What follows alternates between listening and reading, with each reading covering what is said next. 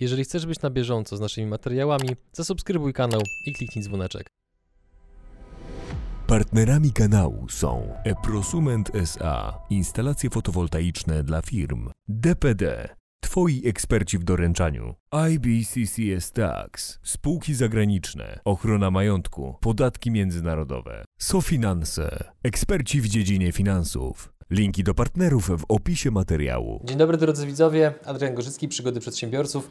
Witamy Was w kolejnym odcinku Przygód Przedsiębiorców, gdzie tym razem naszym gościem jest Paweł Zakrzewski. Musicie wiedzieć, że Paweł w 2020 roku, który mówiąc bardzo delikatnie, był trochę szalony dla wszystkich. Za pomocą swoich działań, które wykonuje na co dzień na rynku inwestycyjnym, o czym za chwilkę szerzej porozmawiamy, osiągnął stopę zwrotu na poziomie 51,8%. Oczywiście to się mogło zmienić, bo już za chwilę startuje, już wystartował dwie minuty temu rynek, więc to już może być inna wartość. Zanim Ale- ale przejdziemy do tego w ogóle, 51,8. jak to się stało, no bo to jest astronomiczny poziom, jeżeli chodzi o stopę zwrotu, tym bardziej, że lokaty przyzwyczaiły Polaków do tego, że mamy stopę zwrotu na poziomie 1-2%, czasami w porywach jest odrobina więcej.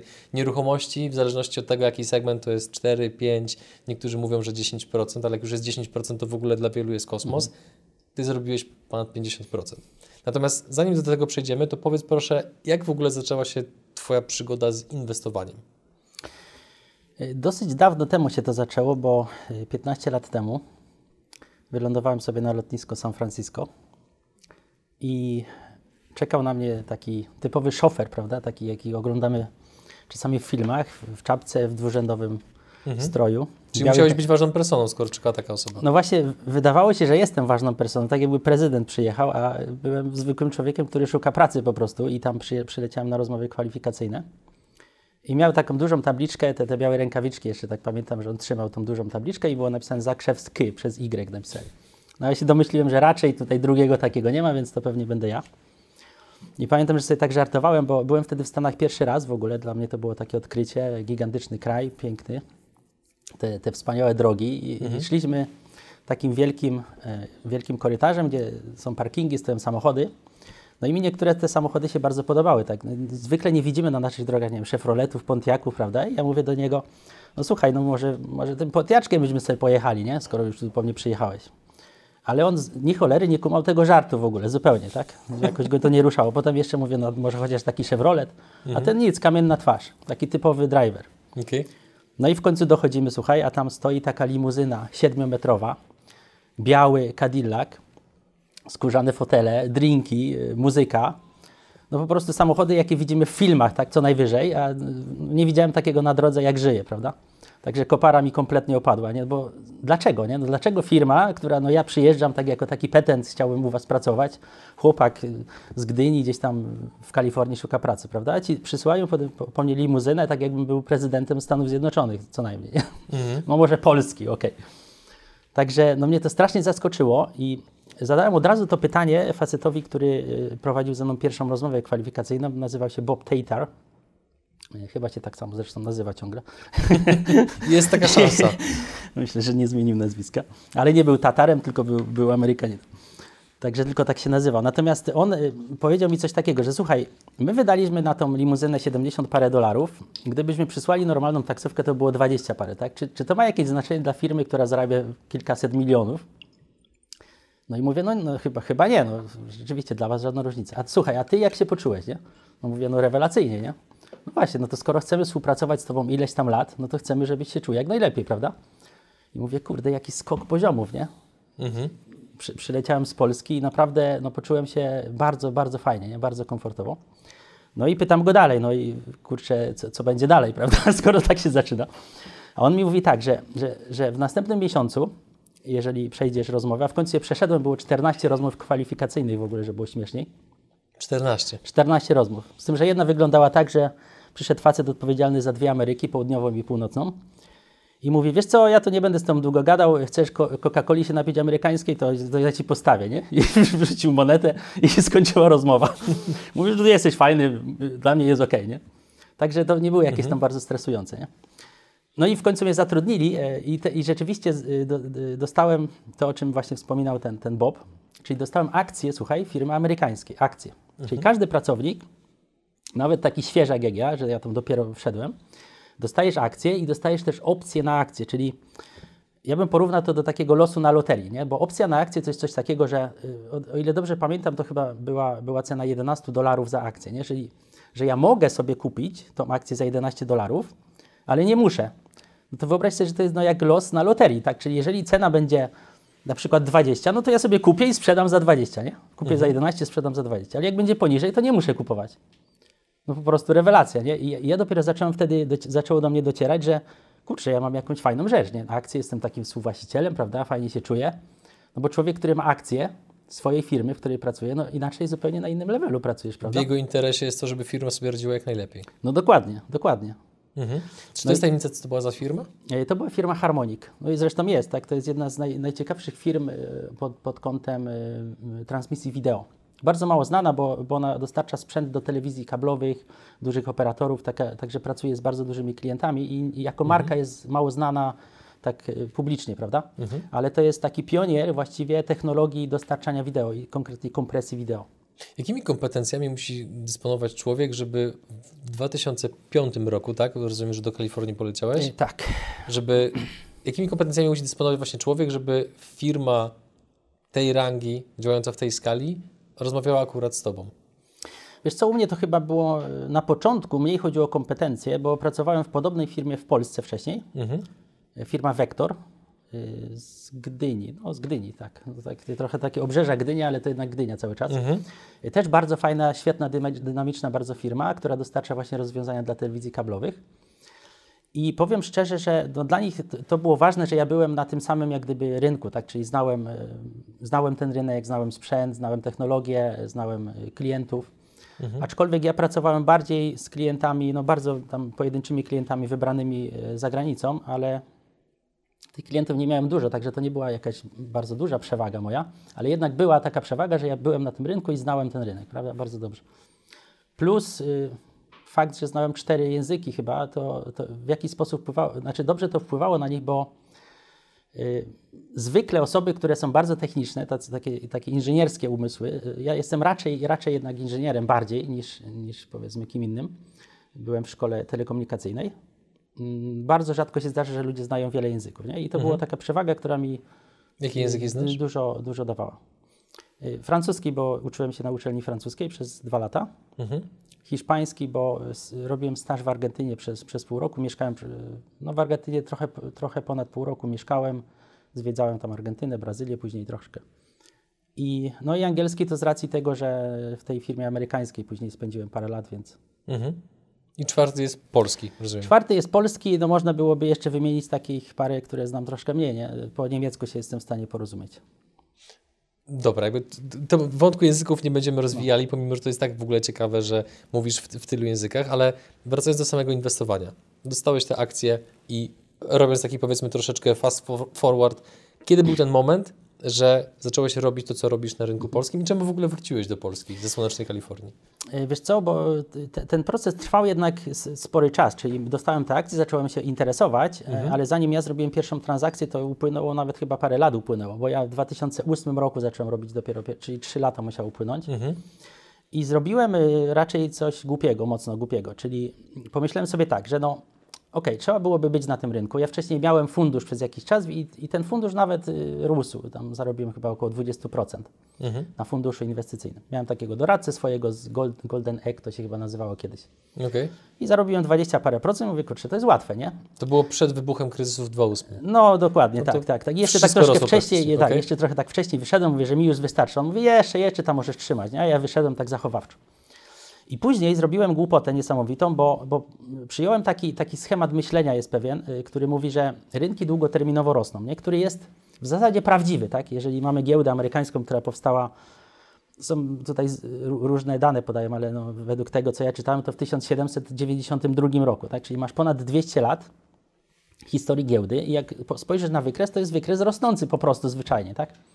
Fakt, że tam są obsuwy po drodze, ale długoterminowo rosną. No ja, ja sobie pomyślałem, ok, to ja kupuję ten MWIG 40 cały, w postaci kontraktu to zrobiłem, ale można też zrobić w postaci jakiegoś funduszu indeksowego. MWIG 40, czyli 40 średnich spółek. Takie amiki polskie, takie spółki, które my znamy, tak? Idziesz do Media Marketu, jest, jest Amika. Ja sobie jakąś tam Amikę na ostatnio nawet kupiłem. No czyli działa, dzia- sprzedają, mają obroty, mają, mają sieć dystrybucyjną. No dlaczego, co, co miałoby się stać, prawda? No i rzeczywiście ten kontrakt y, tam zaczął rosnąć, y, zarobiłem parę tysięcy, potem wrócił do zera. To był 2008, czyli akurat że pewnie się domyślasz, że potem... Początek karuzeli. Potem. Tak, tak, co było potem. No i później byłem tam minus 10 tysięcy, minus 20 tysięcy ja mówię, kurde, no jakoś... To, to nie to, no nie odpowiada mi to, ten, ile ja będę czekał, tak, na te zyski. Tam gdzieś moje wnuki i ich prawnuki będą te zyski miały, bo jest drugoterminowo. No sorry, ale coś tutaj nie gra, tak, to, to, to chyba nie o to mi chodziło. I wyszedłem z tej pozycji i, i słuchaj, ona chyba gdzieś około 5700 chyba był ten indeks i spadł chyba gdzieś do około 1000 z hakiem. To był 78% zjazd ogólnie. I ja sobie tak pomyślałem, no wiesz, masz spółki, 40 tych spółek, to są fajne spółki, które są na polskiej giełdzie i one spadają 78%. Jaki to ma, jakie to ma podsta- jaki to ma sens w ogóle? Jaki to, ma, to są ci sami ludzie, tak samo sprzedają, te same kanały dystrybucji, te same produkty, nawet lepsze ciągle. 78%. I sobie wtedy dotarło do mnie jedna rzecz, że giełda nie jest miejscem takim fundamentalnie y, logicznym, prawda? No bo fundamentalnie logicznie w tych spółkach się nie zmieniło kompletnie nic. Wiadomo, jakiś tam dostęp może do kredytów, może coś tam, sytuacja gospodarcza, no ale nie 78%. No, no po prostu to jest niemożliwe, prawda? I, i, I wtedy się zmieniło moje myślenie i zacząłem szukać y, ludzi, którzy po prostu są na rynku akcji i robią coś może innego, tak? No bo ja nie chciałem spadać z giełdą 78%. No to nie jest przyjemne doświadczenie. Nie, nie było to przyjemne doświadczenie, i, ale myślę, że sporo się nauczyłem. To akurat nie była jakaś dla mnie gigantyczna kwota, ale już taka naprawdę odczuwalna, nie? To nie było fajne po prostu. Ile straciłeś? To mniej więcej tak jak wspominałem, to było 20 tam parę tysięcy. Okej. Ale w dosyć krótkim czasie, no to było parę tygodni dosłownie to trwało. I jeszcze dobrze, że wyszedłem, bo bym pojechał jeszcze z drugie 20. Po prostu już, już nie wytrzymałem psychicznie. I ktoś może powiedzieć, ok, ale gdybyś trzymał, to ty byś to odrobił. No okazuje się, że ja bym to odrabiał przez parę lat. Parę lat musiał rynek rosnąć, żeby, żeby odrobić. A rynek amerykański zrobił to tak a propos dużo, dużo szybciej, tak? Od razu wyszedł na szczyty z powrotem i odtworzył się. A polski, no właściwie do dzisiaj, tak szczerze mówiąc, to dla mnie do dzisiaj rynek polski jest taki, no ledwie, ledwie e, rosnący, A prawda? to z czego to wynika Twoim zdaniem, tak troszeczkę e, robiąc dygresję? Z tego, że jakiś czas temu właśnie tam były też zawirowania z OFE, że OFE wycofały właśnie swoje pieniądze z giełdy, czy jakieś są inne powody Twoim zdaniem, że często krąży żart, że połową GPW jest chociażby sama spółka CD Projekt? Znaczy, jak pytasz o powody, dlaczego giełda spadła, no to powód był prosty. To była bańka spekulacyjna. Tak? Ta bańka spekulacyjna y, to nie była też nasza bańka, bo my w Polsce to mieliśmy sytuację, byliśmy tą tak zwaną zieloną wyspą. Y, To właśnie Tak, tak. wtedy się ten termin rzeczywiście było zielono w Polsce. Natomiast y, to się zaczęło w Stanach, czyli ludzie zaczęli kupować nieruchomości. Na zasadzie takiej, że gość, który tam y, budka z, z piwem, gdzieś tam sobie stoi, pije piwko, nie ma przychodów żadnych, ale tam coś tam mu państwo wypłaca, idzie i dostaje kredyt, kupuje sobie dom. I bank mówi, że no wprawdzie tutaj takie mamy pewne wątpliwości, ale bardzo wiarygodny jest pan klientem. Nie? Tak. Gdzie gdy widzisz na pierwszy rzut oka, że ten gość nie tylko nie jest wiarygodny, ale on w życiu nie ma żadnych szans sobie pozwolić na pa, nawet pierwszych parę rat. Tacy ludzie dostawali wtedy kredyty. Y, Nie będę teraz tego tłumaczył, bo to chyba lepiej sobie obejrzeć te, te wszystkie firmy. Czy Big polecasz Short, film czy- Big Short właśnie a propos? Trzeba sobie obe- obejrzeć, tak, trzeba sobie obejrzeć, bo wtedy się rozumie te, te, te Tak. mechanizmy, tak? Czyli I ta, i, ta, ta scena, gdzie są w klubie ze striptizem, gdzie ta striptizerka mówi, że w sumie ma chyba trzy domy, czy że ma dwa, dwa kredyty na jeden dom, czy coś takiego, jakieś takie w ogóle abstrakcyjne sytuacje, No które dokładnie, właśnie dokładnie. od, To- otwierały im oczy. Tak, czyli osoby, które kompletnie nie ma żadnych szans, żeby sobie na to pozwoliły, to mogły to robić, no bo dlaczego nie dać mu kredytu, skoro w Stanach jest tak, że, że kredyt jest zabezpieczany na nieruchomości. U nas w Polsce nie jest tak, nie? Czyli jak ty stracisz zdolność, to ci mogą nie tylko zabrać nieruchomość, ale cały twój majątek jeszcze ci mogą zabrać. Natomiast w w Stanach nie. To było zabezpieczone na nieruchomości. I też banki w pewnym sensie trochę tak na tym no, po- popłynęły, właśnie na tym takim oczekiwaniu, że to cały czas będzie rosło, no bo nieruchomość należała do banku. Także banki też się nieźle przejechały, bo się okazało, że nieruchomość, która miała być za milion, potem nagle się nie, nie bardzo dało sprzedać za 300 tysięcy dolarów, prawda? Tak. I był potężny y, spadek rzeczywiście. I to właśnie ten, ten kryzys nieruchomości i ten cały, cały kryzys doprowadził do, do tego, że też giełda na to zareagowała. Nie? No bo jak duże banki zaczęły bankrutować, no bo to są historie niewyobrażalne dla nas zupełnie, mi się, mi się wydaje. Tak jak do końca chyba sobie nie wyobrażamy, co to znaczy, że bank typu Lehman Brothers, nie, który ma, ma, y, his, historię ileś tam Gigant, 10, 10 kolos. lat, gi- gigant, tak, który jest jednym z najbardziej rozpoznawanych banków, po prostu leci w bankructwo. Tak, jego akcje kompletnie spadają do zera praktycznie. No to, To są właśnie, to są tak bardzo abstrakcyjne tematy, że właśnie jakby ja czuję się w obowiązku wrócić, żebyśmy No. wrócili na ten właściwy szlak, czyli straciło się 20 tysięcy, te 78% poszło w dół i co się dzieje dalej? No dalej zacząłem właśnie, już chyba troszeczkę o tym wspomniałem, szukać kogoś, kto, kto jest na tym rynku, takiego mentora, nie? czyli faceta, który ja widzę, że on też, też to robi, ja mu się mogę od niego nauczyć. I ty, takim pierwszym moim mentorem w Polsce był pan Jacek Borawski. On jest y, cały czas y, znaną postacią, jest analitykiem, on siebie nazywa analitykiem technicznym, czyli analizuje ceny praktycznie tylko. Co mi w sumie odpowiadało, bo ja zobaczyłem to na polskiej giełdzie, że fundamenty są niewiele warte tak do końca, prawda? No bo 78% to tutaj żadnej zmiany fundamentów nie było. Natomiast analiza techniczna to wychwytuje bardzo, bardzo szybko, tak? No bo jak wykres spada, to analiza techniczna mówi spada, przebija jakieś tam poziomy, koniec, wychodzę. No więc to mnie, to mnie pociągnęło, mieliśmy ileś tam spotkań, warsztatów i myślę, że nauczyłem się takiego spokoju, bo tam analizowaliśmy wykresy dzienne, właśnie amerykańskie spółki, które nie są jakieś bardzo chaotyczne, prawda? Tylko spokojnie sobie rosną, te hossy potrafią trwać dziesiątkami, no, 10 lat potrafi tr- trwać hossa. No tak jak ta na przykład teraz, trwa 10 lat. W 2008, 2007-2008 roku był, był kryzys, a i do dzisiaj właściwie, no oprócz tej pandemii powiedzmy, która, która teraz była taka, taka nagła, to, to nie było takiego poważnego kryzysu, prawda? Takiego poważnego wejścia w bezce na, na rok na przykład. Nie było czegoś takiego. Pomimo, że wiele osób wieściło go praktycznie rok po roku, że już za chwilę, że już za rogiem i wciąż go nie było. To, to jest w ogóle osobna historia, bo e, właśnie przypominam sobie e, spotkanie na SI e, Wall? Street. To jest taka duża, duża konferencja. I to było gdzieś w roku 2015-16 e, chyba. Na jednej takiej byłem. Wszyscy analitycy, wszyscy po prostu, i tacy, i tacy z różnych tam frakcji i tak dalej, z różnych banków, że za chwilę będzie... Jeden wyszedł i powiedział, że spodziewam się spadku do, do poziomu średniowiecza, nie? bo mi tutaj z analizy technicznej wychodzi. Autentycznie pamiętam takie, takie scenki. I, y, I oczywiście ten rynek y, rzeczywiście wszedł w małą korektę.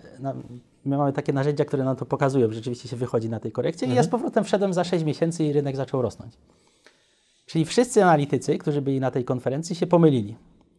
No bo nic się nie stało z rynkiem, tak? Czy, I do dzisiaj, no nie wiem, ja tak zawsze żartuję, że ci analitycy do dzisiaj jeszcze, tak? Czy cały czas czekają, że to już za chwilę spadnie, prawda? No bo jak analityk bardzo długo mówi, że coś za chwilę spadnie, to w końcu będzie miał rację w któregoś dnia. Mhm. A zgadzasz się z tym takim cytatem, który rzekomo e, przypisuje się Warrenowi Buffettowi, albo, on albo ten cytat tylko krąży na grafikach z nim, że Wall Street to jest jedyne miejsce, w którym ludzie jeżdżący Rolls-Royce'ami przyjmują rady od osób, które dojeżdżają do pracy metrem? No, do, do, do, myślę, że to jest dokładnie to, o czym mówię, tak? Czyli, czyli część z tych analityków to są ludzie, którzy pracują na etacie dla jakiegoś banku. Nie wiem za ile pracują, no ale to, to, jest pensja etatowa, prawda? No to oni na pewno nie jeżdżą Roll- Roll- Rolls-Royce'ami, natomiast ci, ci ludzie, którzy przyjeżdżają na tą konferencję, to już jeżdżą. Jak się tam po, posze, przeszło po parkingu, to, to ja dopiero teraz mam porównywalny samochód, ale wcześniej to musiałem gdzieś tam parkować daleko za bramą, nie? Gdzieś pod drzewem, że ja tutaj przyjechałem taksówką, prawda? Aha, aha. Z szoferem za 70 dolarów. No nie, to, to, to, to było w Ameryce. To, No i teraz y, jakby znowu tutaj wrócę do naszego głównego wątku, bo mm, znaczy fajnie się rozmawia, bo są, bo są dygresje, ale tutaj myśl, myślę, że nasi widzowie już się domagają odpowiedzi na pytanie, dobrze Paweł, w którym momencie zacząłeś inwestować, w którym momencie zbudowałeś społeczność 500 osób wokół siebie i w którym momencie, uwaga, mam tutaj notatki, ponad pie- 85% osób jest na do, drobnym, na dobrym plusie, nie na drobnym, tylko na dobrym plusie już w kilka miesięcy po postawieniu pierwszych kroków współpracując z Wami. no to się wydaje fenomen, prawda? Ale rzeczywiście... Ja, ja To się wydaje dokład- To nieprawdopodobne. się wydaje nieprawdopodobne, tak? Dlatego tr- trudno jest o tym nawet mówić, prawda? Bo to jest takie nieprawdopodobne. Ale y, jak ja zaczynałem, to pierwsze transakcje zrobiłem praktycznie od razu po no, serii takich paru dobrych szkoleń, prawda? Czyli od razu, od razu potem zacząłem otwierać transakcje. Fakt, że wtedy, ponieważ pracowałem w amerykańskiej firmie, miałem y, około 100 tysięcy złotych odłożone i całą tą kwotę miałem na rynku akcji polskich. I zacząłem sobie kupować akcje. I teraz, jak kupujesz akcje, to możesz sobie ustalić poziom ryzyka poprzez stop loss na każdej pozycji. Ja sobie go ustawiłem, tak jak chciałem, na 0,3%. Czyli ryzykowałem 300 zł ze 100 tysięcy. Czyli praktycznie od razu po szkoleniach zacząłem otwierać pozycje. I to był kompletny fenomen dla mnie. Ja mam do dzisiaj tak, no mniej więcej to jest plik y, taki jak, jak, jak tutaj tyle, tyle, 66 kartek, szkoda, że ich w sumie nie wziąłem, bo musiałem to wydrukować u brokera. To jest tak niewiarygodne, że do dzisiaj mam ten plik ze sobą, y, czasami go pokazuję też na webinarach, bo zrobiłem przez dwa y, i pół, no prawie trzy lata, zrobiłem 238 transakcji jako świeża osoba. W pierwszym roku zarobiłem 46% na kapitale, czyli przy tym ryzyku, o którym mówię. To nie tak, że no bo można zarobić 46%, jak ktoś trafi fajną spółkę. Tak? Ktoś powie, że no ja miałem CDR-a i zarobiłem więcej, tak? albo Tak. Bitcoina i zarobiłem 100%. To, to nie tak. Bo y, chodzi o to, żeby być systematycznym, przewidywalnym, prawda? Czyli żeby robić jedną transakcję malutką łyżeczką, malusieńką łyżeczką sobie wybieram i na koniec roku mam 46%, ryzykując 300 zł ze 100 tysięcy. Troszeczkę tam potem to zwiększyłem do y, bodajże 1% doszedłem na sam koniec. Czyli przy takim ryzyku, prawda? No i ja byłem naprawdę w szoku, bo mój pierwszy PIT był na 46 tysięcy złotych, no to możesz sobie jakiś mały jachcik kupić, nie? Za to. Co zrobiłeś z tymi pieniędzmi? Reinwestowałeś, czy kupiłeś sobie coś dobrego, czy jeszcze coś innego? No właśnie, tu jest ta część historii, która e, jest trudna dla mnie. Dlaczego? To jest y, taka osobista historia, wiesz, i Lubimy takie tutaj, więc poproszę. no... Znaczy, mi, mi, się, mi się trudno wraca do tego, do tego okresu, bo y, przyszli do mnie, do mnie ludzie, których, y, o których mam wysokie, bardzo wysokie mniemanie o nich miałem, prawda? Czyli oni byli też ta, ta, ta, no, gdzieś tam wysoki poziom moralny, wydawało mi się, że, że reprezentują Darzyłeś ich szacunkiem. darzyłem szac- szacunkiem, tak, wydawało się, że mają jakiś tam majątek i tak dalej, który się okazało, że go w końcu nie mają, ale albo, znaczy mają, ale, ale zajęty przez komorników, tak? No więc mniej więcej już powiedziałem w tej chwili chyba, chyba aż za dużo, bo po prostu po, po pół roku no, oni w jakiś sposób mnie przekonali, żebym wyciągnął większość ze swoich pieniędzy, które miałem na giełdzie i mnie pożyczył na jakiś taki wspaniały biznes, prawda, który oni tam no, zresztą on był bardzo fajny w ogóle. Pomysł był bardzo fajny, bo tam chodziło o takie domy pasywne, budowanie domów pasywnych. Naprawdę fajna sprawa. Mhm. No i do dzisiaj, znaczy rzeczywiście częściowo tam mi oddali tą kwotę, ale do dzisiaj właściwie nie zobaczyłem w ogóle z powrotem tych pieniędzy. I to nawet nie jest najgorsze. Nie? Właśnie najgorsze jest to, że jak gdyby mając ten, ten obrót, tą kulę śnieżną, która się robiła na giełdzie polskiej i umiejętności, no mając wszystko, tak? No, zabrałem sobie, z czym by to można było porównać, tak? No nie wiem, z informatykiem, który nagle zabrali mu komputer i on nie ma na czym pisać tej, tego software'u. No koniec, po prostu było ze mną absolutna... Ale to co cię skusiło? Jakby sk- skusiła ci twoja taka, no co, chciwość, ciekawość? Czy po prostu dałeś im te pieniądze, żeby już dali ci spokój, żeby ci już nie marudzili, że, że masz zainwestować? Co, co było tym argumentem, co, że było coś ktoś, takiego- poczekaj, takiego, myślący tak racjonalnie jak No. ty, powierza kasę ludziom w momencie, kiedy ty sam, robiąc pierwsze transakcje, osiągasz ponadprzeciętną stopę zwrotu? Mhm. Wiesz co, było w tym coś takiego, że, że, wiesz, traktowałem ich naprawdę jako, jako takich swoich przyjaciół, tak? I oni w pewnym momencie mówili, że no to naprawdę im pomoże, tak? Że naprawdę po prostu im po prostu, oni będą mi wdzięczni do końca życia, tak? Że im pomogę po prostu rewelacyjnie, a oni mają za chwilę przypływ gotówki, jakieś dowody pokazywali na to i oni mi to zwrócą już pierwsze pieniądze w ciągu trzech dni. W taki sposób to przedstawiali. No, znaczy brzmi to oczywiście, jakbym był no, co najmniej dziwny, że to zrobiłem, ale nie do końca, tak? Bo To był już czynnik emocjonalny. Chciałeś pomóc tak naprawdę, a nie zainwestować no, chyba, co? no to, było, to, były, to, to był przeważający czynnik, tak, tak, tak. No bo oni nie, mi nie proponowali jakichś tam stóp zwrotu wyższych ni- niż ja osiągałem, raczej niższe, tak? Ja nawet im mówiłem, że słuchajcie, no w tym roku y, miałem takie i takie zyski, miałem takie i takie firmy, tam miałem jakiegoś KGHM-u czy- trochę Tak. i, i tak dalej. I ja nawet y, napisałem to im, że słuchajcie, to są te poziomy cen, przy których ja wychodzę i teraz no nie chciałbym, żeby na przykład jak to będzie trwało, nie wiem, trzy miesiące mi będziecie oddawać, no to my sprawdzimy te ceny, tak, czy przypadkiem tutaj za dużo nie straciłem. Oni mówią, że okej, tak, że nawet, nawet będą starali się jakby pokryć te, te, te różnice w jakimś tam zakresie, prawda, że, że będą chcieli oczywiście to Jasne. zwrócić jak najszybciej, pokazywali dowody, tak, jakie to oni mają biznesy, jakie nieruchomości. I dużo z tych rzeczy było taką nagiętą, ale prawdą, nie? I dlatego to było tak trudne do zweryfikowania, tak, bo gość, który mówi, że ma nieruchomości za parę milionów i pokazuje ci, tu są moje księgi wieczyste. Ale tam nie ma jeszcze zapisu o komornikach, tak? który się pojawia na przykład parę tygodni później. To jest ciekawe dla mnie, że ktoś, kto pokazuje Ci, że ma nieruchomości za kilka milionów, tak bardzo walczy, żebyś mu pożyczył kilkadziesiąt tysięcy.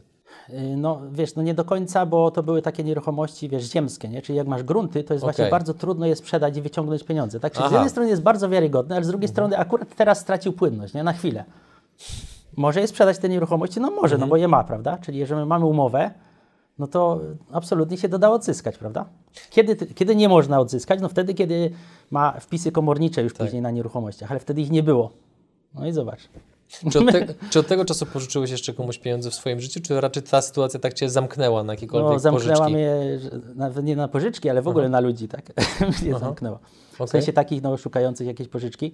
I teraz staram się to robić w taki sposób, że okej, jak chcę, chcę komuś pomóc, no to dając mu tą kwotę, mówię, że ja ją jakby straciłem w tym momencie, nie, nie mam jej. Czy godzisz się z tym w momencie już przekazania pieniędzy? Tak. No nie ma, tak chyba trzeba robić, no bo nie ma za bardzo innego wyjścia, nie? Bo, bo człowiek jednak nie będzie nigdy wiarygodny w 100%, tak? Mhm. Oni mieli taki level wiarygodności, który tam wynikał jeszcze Z szeregu innych z czynników szeregu pewnie. tam innych czynników jeszcze, tak, tak, tak. I to, to podwyższyło ich takie, taką rangę w moich oczach bardzo wysoko, nie? Mhm. Ich ceniłem, a teraz ich jakby bardzo nisko cenię. Zarekomendowałbyś widzom, żeby pożyczali pieniądze, żeby nie pożyczali? To znaczy, to, to nie jest tak, że ja teraz bym powiedział, że nie pożyczajcie nigdy pieniędzy, tylko raczej bym powiedział coś takiego, że, że właśnie po, pożyczając dajesz komuś. Czy dałbyś tą samą kwotę, Mhm. którą pożyczasz? Jeżeli odpowiedź jest tak, dałbym mu, no bo nic się nie stanie, jak ją stracę, prawda? Mhm. Ale to nawet jeszcze jest trochę mało, bo ja miałem taką myśl wcześniej, tak, okej, nic się nie stanie, nawet jak to stracę, bo, bo mam fajną pracę, jestem w Kalifornii zatrudniony i tak dalej, nie? Tak. Ale do momentu, kiedy to się wszystko zaczęło zamykać i wyjaśniać, tak, bo to trwało y, parę lat nawet, nie? To się okazało, że ja się czułem już tak, tak pewnie, że, że zrezygnowałem z pracy w Kalifornii. Potem nagle y, przyszło coś takiego, że y, miałem, wynajmowałem taki, takie pomieszczenie na, na warsztat.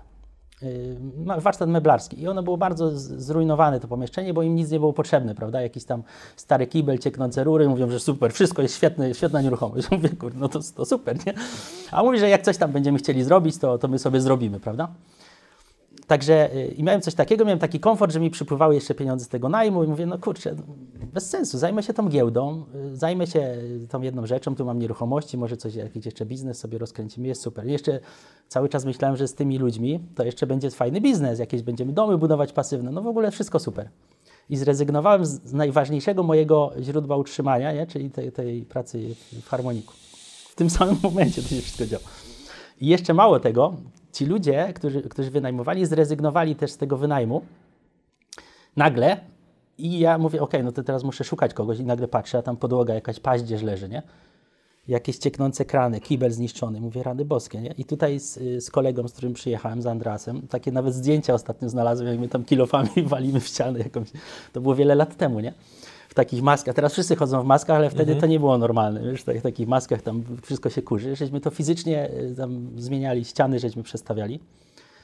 No i y, co się okazało, że, że ja nie jestem w stanie znaleźć dla takiej rudery, w cudzysłowie, wynajmującego. I musiałem zainwestować 200 tysięcy złotych, czyli jeszcze kapitał, który spokojnie bym mógł jakby wrócić i zacząć go inwestować, no to nagle stanąłem, ok, albo inwestujesz i znajdziesz wy- wynajmującego, czyli zerujesz się, albo no nie robisz tego, ale co, no na ile ci starczy 200 tysięcy złotych, tak? Jaka logika przemawiała za tym, żeby zainwestować tyle pieniędzy w lokal, który pewnie w porywach dawałby w skali roku kilkanaście procent, gdzie masz umie- umiejętności na giełdzie, które pozwolą dać ci więcej, jeżeli oczywiście też powiedzmy prawdopodobnie sytuacja na rynku będzie sprzyjająca. Jaka logika za tym stała? Przychodzi do mnie pewnego dnia facet z, z drugim z biura, z biura nieruchomości. Mówią, że obejrzeli sobie lokal i to ich, to ich interesuje, nie?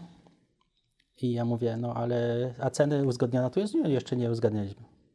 I ja tak, no ale to, to chyba będziemy rozmawiać o cenie, prawda? Bo zwykle się ludzie pytają, ile kosztuje. Oni y, mówią, ten wynajmujący, tak, y, przyszły, mówi, że że no tak, ale to już my, my już wiemy, że chcemy go wziąć, nie? Jak wiedzą, że chcą, no to ja im zaraz taką cenę walnę, że zobaczymy, czy są nadal, nie? I ten lokal był warty 3,5 tysiąca złotych miesięcznie, tak realnie, no może nawet 3. Yy, I ja mu mówię 6,5. Nie, przepraszam, 6 mu powiedziałem. A ten gość nawet się sekundy nie zastanowił, mówi OK. I mówię, dwa razy więcej. I wiesz, za 6 tysięcy to już, ten remont y, chyba nie kosztował całych 200, a tu 6,5.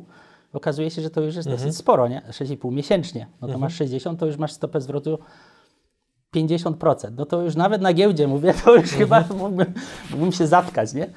Bo czasami na giełdzie zarobię 50, jak tak jak mówisz, ale bywają, miesią- bywają lata, że zarobię 20 na przykład, nie? Czy 15. To nie to, jest takie... No to faktycznie dramat. Czyli, czyli ja mówię, kurczę, tyle kasy mi dadzą, coś tutaj jest nie tak. I idą do domu i na drugi dzień ten gość z biura nieruchomości do mnie dzwoni i mówi, wie pan co, mam taką prośbę, nie, odnośnie ceny. Ja mówię, no wreszcie jakoś normalnieją, no ja już sobie pomyślałem, że no mogę trochę spuścić, nie? A ten do mnie, chcielibyśmy podnieść cenę. Autentyczny case, autentyczny case. Do 6000 6500 za miesiąc, nie? A ja mówię, y, no, znaczy trudno mi się nie zgodzić, ale chyba coś pan tutaj, co- coś tu jest nie tak. Czy jak jesteście normalni, tak? Czy jakiś, o, co, o co chodzi, prawda? No ja Mówię, że, no, że ja mogę się zgodzić, ale pod warunkiem, że mi powiecie, o co tu do cholery chodzi, nie? Czy wy jesteście jakimiś, kurde, nie wiem, chcecie mnie naciągnąć na, na te pieniądze, o co chodzi, nie?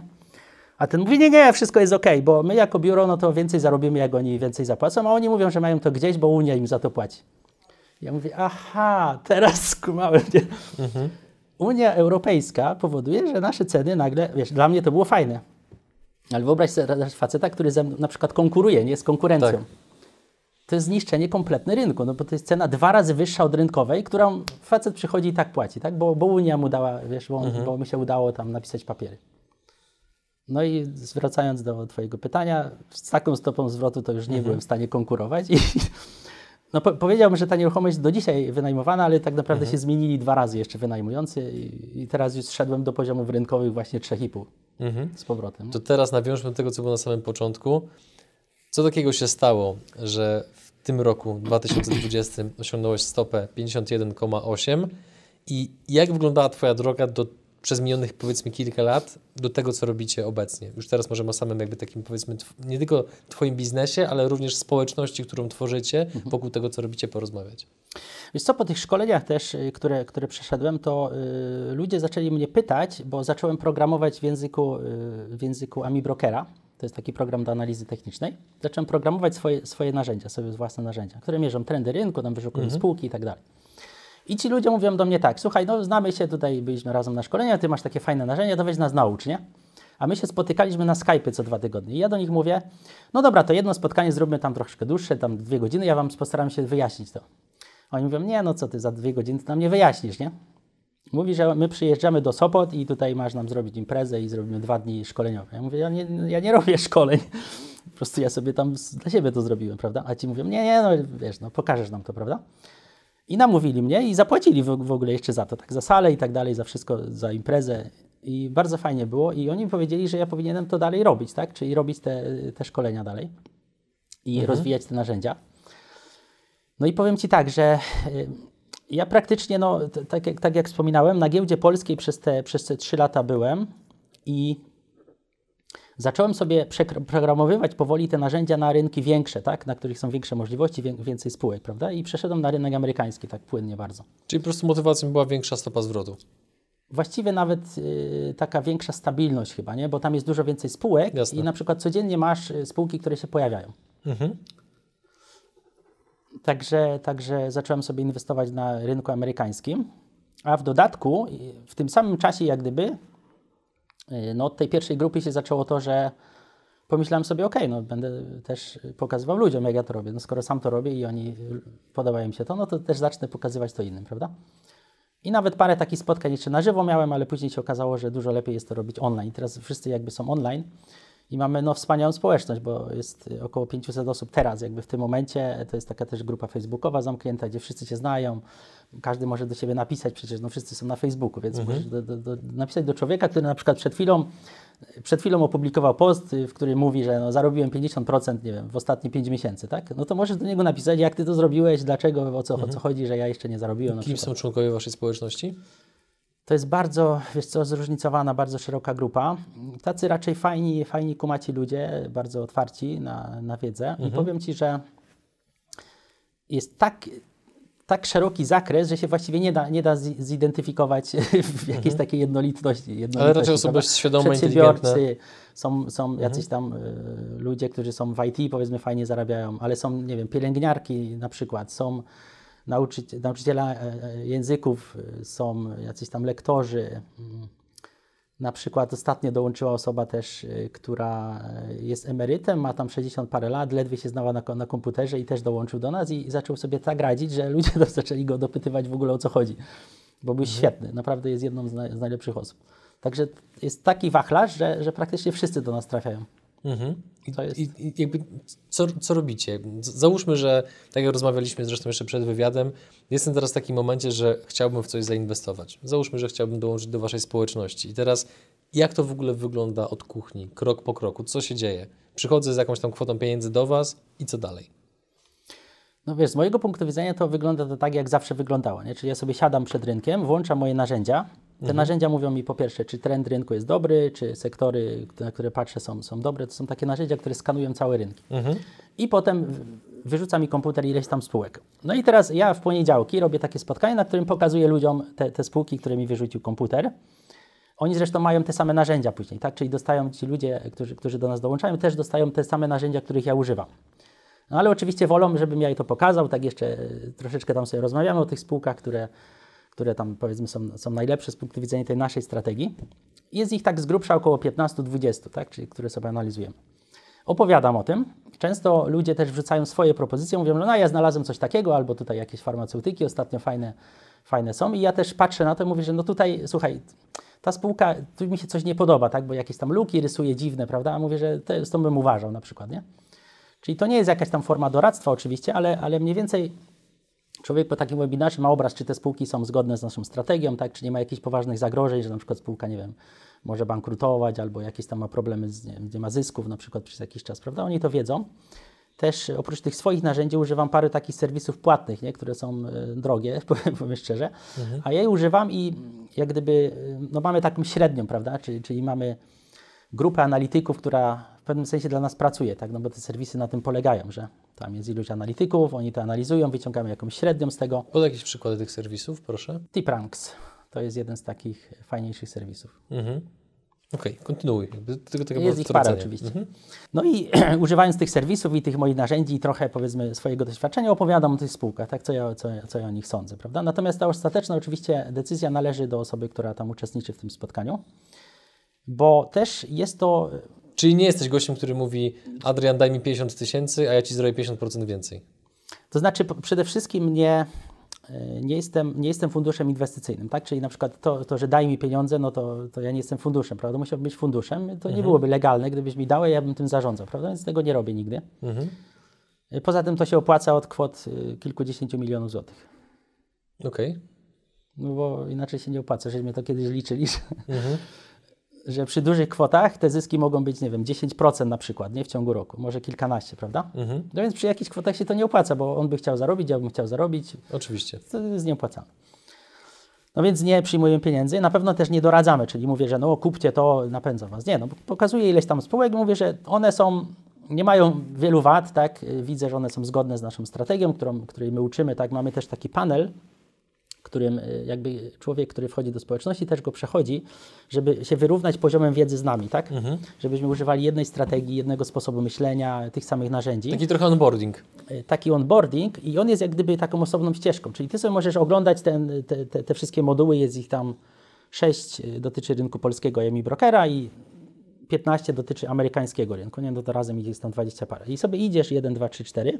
Jeżeli ty to będziesz robił miesiąc, to po miesiącu jesteś na naszym poziomie. Jak będziesz robił rok, no to po roku jesteś, ale ty jakby dokładnie wszystkie te osoby przechodzą tą samą ścieżkę. I potem, jak już rozumieją, co my robimy, no to przychodząc na poniedziałkowy webinar, no to my mówimy jednym językiem, że aha, no tutaj widzimy korektę. No tak, a tu levele jakieś tam się wyrównują, a tutaj no to ta spółka ma takie takie fundamenty, prawda? Ro- Rozmawiamy tym samym językiem. W poniedziałek, tak? A jest jeszcze drugie spotkanie w czwartek, na którym na przykład taka osoba, powiedzmy, że dołączasz do nas i na przykład mówisz, że no ale słuchaj, jakieś tu wideo jest, coś tam mam skopiować, y, jakieś watchlisty, ale nie wiem, gdzie, gdzie to znaleźć, nie wiem, coś, coś tam nie rozumiem, prawda? Czegoś. No więc y, przychodzisz w czwartek i to jest takie, tak, taka sesja Q&A, czyli wszystkie pytania, które tam leżą Ci na sercu, to nie muszą być pytania bardzo zaawansowana i ani bardzo, bardzo proste mogą być y, każdego rodzaju to, to, to, to pytania. Także tam mieszamy jak gdyby osoby, z jednej strony z dużym doświadczeniem, które bardzo ciekawe rzeczy, takie na, na wysokim levelu pytają, ale z drugiej strony osoby, które mówią, że a, ten panel wasz to w ogóle gdzie mam się zalogować, nie? No tu, tu się proszę zalogować, więc tam jest troszeczkę takie pomieszanie może z jednej strony, ale z drugiej strony jest też fajna wymiana, że, że ci ludzie, którzy są wcześniej widzą tych ludzi, którzy są już dalej i na przykład mówią, że kurczę, tu wszedłem i wziąłem tylko 20%, a może bym mógł wziąć 50%, nie? Tutaj spójrz na tą spółkę na przykład. I dla ludzi nowych to też, aha, kurczę, jak, jak to, nie? Że on tutaj nagle, ostatnio był taki wpis na Facebooku, gość napisał, dzisiaj właśnie się budzę, otwieram, otwieram sobie ten, wiesz, brokera, komputer i spółka jest 30% wyżej, nie? I on taki 30% zarobił w jeden dzień na, na, na, inwestycji, bo spółka zrobiła 30% lukę. Jakaś farmaceutyczna spółka. No i wyobraź sobie, jakie to tam la- lawiny reakcji potem ludzie patrzą, ale jak, jak to, że ty zarobisz, jak to, w jeden dzień 30%? Nie, lokata minus 2% rocznie z inflacją, tak z grubsza, nie? A on 30 w jeden dzień zarobił. I pokazuje wykres, że tutaj właśnie, i teraz co zrobić? Spanikowany. Mówię, no spokojnie, może nie panikuj, ty, tak na tym webinarze mu tłumaczę, no nie panikuj, tak, skoro zrobiłeś skok 30%, bo no chyba to nie jest najgorsze, co ci mogło przydarzyć, wiesz? Sprzedaj po prostu sobie kawałek, żeby już mieć taki spokój, że zrealizowałeś, bo, bo mogą realizować zyski ludzie wtedy, nie? Bardzo szybko. Ale trochę zostaw, bo to jest jakaś świetna spółka, no zrobiła jakiś gigantyczny wolumen. Może coś wynaleźli, cholera wie, co zrobiła, tak? Bo zaczynamy dopiero wtedy czytać głębiej i wchodzić i okazuje się na przykład, że podpisał jakiś kontrakt z dużą firmą, typu na przykład jakiś ten Pfizer, y, tak, ostatnio zrobił szczepionkę, no to różne firmy się pod niego podpinają, podpisują kontrakty i nagle paf, jest 30% w górę, prawda? I takie rzeczy, powiem Ci, z jednej strony są wyjątkowe, ale z drugiej strony osobie, która systematycznie otwiera spółki, się zdarzają relatywnie często, nie? Czyli taka luka, luka w górę. Pozwól, że zadam Ci jeszcze jedno pytanie, znaczy jedno z wielu, które nam zostały do końca, ale takie może bardzo podstawowe. Dlaczego w ogóle akcje, a nie na przykład Forex, surowce, kryptowaluty, nieruchomości? Yy, powiedziałeś Forex. Zauważ, że to jest coś takiego, jak gdybyśmy my się założyli, troszeczkę tak, nie? Jak, jakbyśmy zrobili taki zakład, że ty mówisz, że złotówka do dolara wzrośnie, a ja mówię, że spadnie. No to albo ty stracisz, albo ja, prawda? Nie ma tutaj wartości żadnej. Nie ma żadnej wartości w tym kompletnie. Jest jeszcze broker, który nam trochę zabierze. Jest taka zasada 90-90-90, która mówi, że 90% ludzi w 90 dni traci 90% kapitału na Forexie. Y, Ona jest, y, niektórzy mówią, no tak, ale KNF mówi, że, bo teraz broker musi podawać statystyki, ile ludzi u niego straciło. Nie wiem, czy wiesz o tym, ale to jest ciekawe, nie? że muszą podawać. I to się waha tak od 60 paru procent ludzi, że traci pieniądze, do 85 chyba rekordzista. Dużo. Nie powiem nazwy, bo by mnie kurczę chyba tutaj zajechali, tak? Jest broker taki bardzo znany, który ma 85. No wszyscy praktycznie tracą. I to jeszcze mało tego, te statystyki KNF-u to jest y, jakiś taki wybrany okres tam podawany. To nie jest tak, że oni potem zaczynają zarabiać i tak dalej. Nie, bo w rzeczywistości to jest tak, że w dłuższym okresie to ponad 90% traci na Forexie pieniądze, czyli wszyscy prawie tracą. Czyli wchodzą na imprezę, wydają i wychodzą. To, dokładnie, wchodzą na ruletkę i jadą, tak? No przecież najlepszy przykład to, to taka jedna z większych grup właśnie forexowych, no to jak tam wejdziesz, ja sobie kiedyś robiłem screeny, to kilkadziesiąt screenów było takich po prostu. Przechlapałem wszystko, jestem na zero, ja już czwarty depozyt i ja tutaj wy- wyzerowałem konto, tak? Kilkadziesiąt takich wpisów. Wyzerowałem konto, co jakby u nas stracić, nie wiem, 15% kapitału, to już jest, no to już nieciekawie się robi, tak? Ja już bym, ja już bym się wycofywał, nie? A on całe konto, czyli wszystkie pieniądze, gość jakiś tam, nie wiem, student, czyli poszedł do pracy jakiejś pierwszej powiedzmy, zarabia przez rok i przechlapuje to w parę tygodni i pisze o tym tak, jakby się nic nie stało, nie? Ludzie chyba, nie wiem, jakoś jakąś taką mają emo- emocjonalną potrzebę chyba podzielenia się tym, ale tak udają, że jakby, no tam przechlapałem, ale to za chwilę sobie drugie konto otworzę, nie? Kurczę, a tu przechlapał gość rok pracy na przykład. A co, z czego to wynika Twoim zdaniem, że jest takie właśnie... Dźwignia, dźwignia, czyli ludzie, y, to trochę tak jakbyś wziął y, panią kasjerkę, która na przykład zarabia 2000 zł i ona sobie bierze kredyt na 2 miliony. I mówi, że sobie będzie teraz na Forexie grać, czyli dźwignie są razy 100 do razy 500 nawet są dźwignie. Fakt, że teraz y, to ograniczyli i brokerzy w Polsce mają, mają trudniej, ale ogólnie się da znaleźć brokerów, który da Ci dźwignię razy 500. No to pomnóż sobie, powiedzmy, że ktoś inwestuje 2000 razy 500, to masz milion. I oni tak robią, ci ludzie. Po prostu jadą milionem złotych. No, wyobraź sobie to w normalnym życiu, tak? Idziesz do wujka i mówisz, wiesz, tutaj ja nie mam, jestem spłukany kompletnie, jakbyś mi pożyczyć milion złotych, ja sobie tam coś porobię z tym. No chyba nikt rozsądny raczej w to nie wszedł, nie? A ci ludzie to autentycznie, realnie robią na Forexie. Faktycznie tak jest. No i właśnie wracając do mojego pytania, dlaczego akcje? No właśnie dlatego, że na akcjach się nie da tego zrobić, tak? Bo po pierwsze nie używamy dźwigni, to nie znaczy, że nie można. Bo jak ktoś by chciał bardzo, to proszę bardzo, może też. Ale my tego nie robimy. No bo ja wychodzę z założenia, że jak zakładam biznes, no to nie na 10-milionowy kredyt od kogoś, tylko biznes, no, biorę swoje pieniądze, może trochę biorę, tak, pożyczam, ale, ale trochę. My używamy dźwigni, ja używałem y, teraz w tym roku, co, co fajny w sumie mam wynik, ten 51%, to mi się wydaje bardzo fajny wynik. Tak, to jest- to mnie. jest fajny wynik, Paweł. Ale on jest wyjątkowy rzeczywiście, bo, bo w, w innych latach mogę mieć tam 20 powiedzmy, prawda? Mhm. Natomiast y, w tym roku używałem rzeczywiście y, troszkę więcej dźwigni, ale ona tak się wahała gdzieś od 1 do 2, czyli Mhm. 1, 1 do, do 2 razy kapita, prawda? I to jest wszystko, co ja ludziom mówię, że no więcej, więcej to nie, no więcej, więcej to nie, to musisz czuć, że to jest, są twoje pieniądze i twoja gotówka, nie chcesz tego stracić, prawda? Bardzo małe ryzyko. Y, Druga rzecz, y, to co mówiłem o Forexie, to nie jest przeciąganie liny, y, ja czy ty wygram, tylko jak ja tobie sprzedaję akcje, no wyobraź sobie na przykład, że moja, moja firma Stocksoft, tak? Chciałbym ci sprzedać 10% akcji. No to ja na tym coś tracę, no ja mam jeszcze 90. No ty zyskujesz i ja zyskuję. Dlaczego mamy coś tracić? Czyli akcje, nawet jak ktoś sprzedaje, to nie tylko je sprzedaje dlatego, że one zaczną spadać na przykład, nie? Albo że, tylko po prostu on je sprzedaje, bo, bo chce. No, akurat w tym momencie ma, potrzebuje gotówkę na przykład. Nie? Także akcje są, to jest bardzo ważne, akcje są tutaj boję się tego słowa gra, bo to nie chodzi o granie, ale, ale można by użyć tego słowa grą o sumie dodatniej, a nie o sumie zerowej albo ujemnej, jak Forex na przykład, prawda? Tylko o sumie dodatniej, bo jak spojrzysz na spółkę, to tam są ludzie, którzy sprzedają, którzy wytwarzają, są zyski, są obroty, tak, z tego wynikają zyski spółki. To są żywe organizmy, które przy, przynoszą dochód każdemu, kto kupi akcje takiej spółki, tak? Oczywiście nie wszystkie spółki rosną. No i teraz pytanie, czy wszystkie spółki rosną? No średnio to wszystkie rosną, no bo średnio jak sobie spojrzysz od 1792 roku, jak już ustaliliśmy, chociaż ostatnio widziałem datę 1817 też, nie wiem, która jest prawdziwa, bo tam, tam były takie dwa, dwa momenty. No to, no to widzisz wykres wzrostowy praktycznie, nie? I okazuje się, że ta średnia może, może oscylować tak w okolicach, zależy jaki okres weźmiesz, gdzieś 8-10% rocznie. Czyli w średniej, to jest prosta rzecz, prawda? W średniej wszyscy uczestnicy rynku średnio powinniśmy zarobić około 10%. Mhm. No i dlatego jestem na rynku akcji, no bo to jest jedyny rynek, który ma dla mnie realną, jakby jest realnym aktywem, który wytwarza wartość.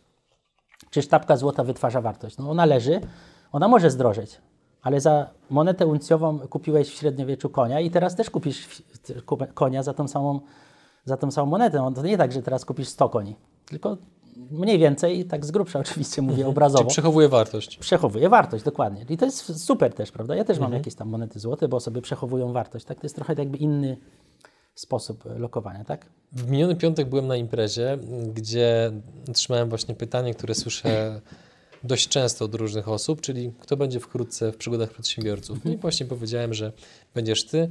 Okazało się, że przy stole jest e, osoba, która mm, jest częścią waszej społeczności, która korzysta z waszej wiedzy, uczestniczy w waszych webinarach.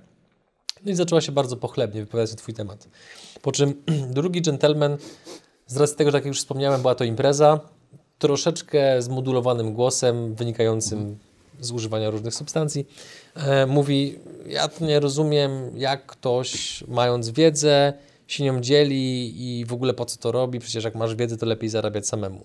Więc skracając tą całą, ca, to całe pytanie do bardzo krótkiego, po co dzielisz się wiedzą, zamiast zachowa- zachowywać ją dla siebie i do, dla swojego najbliższego grona?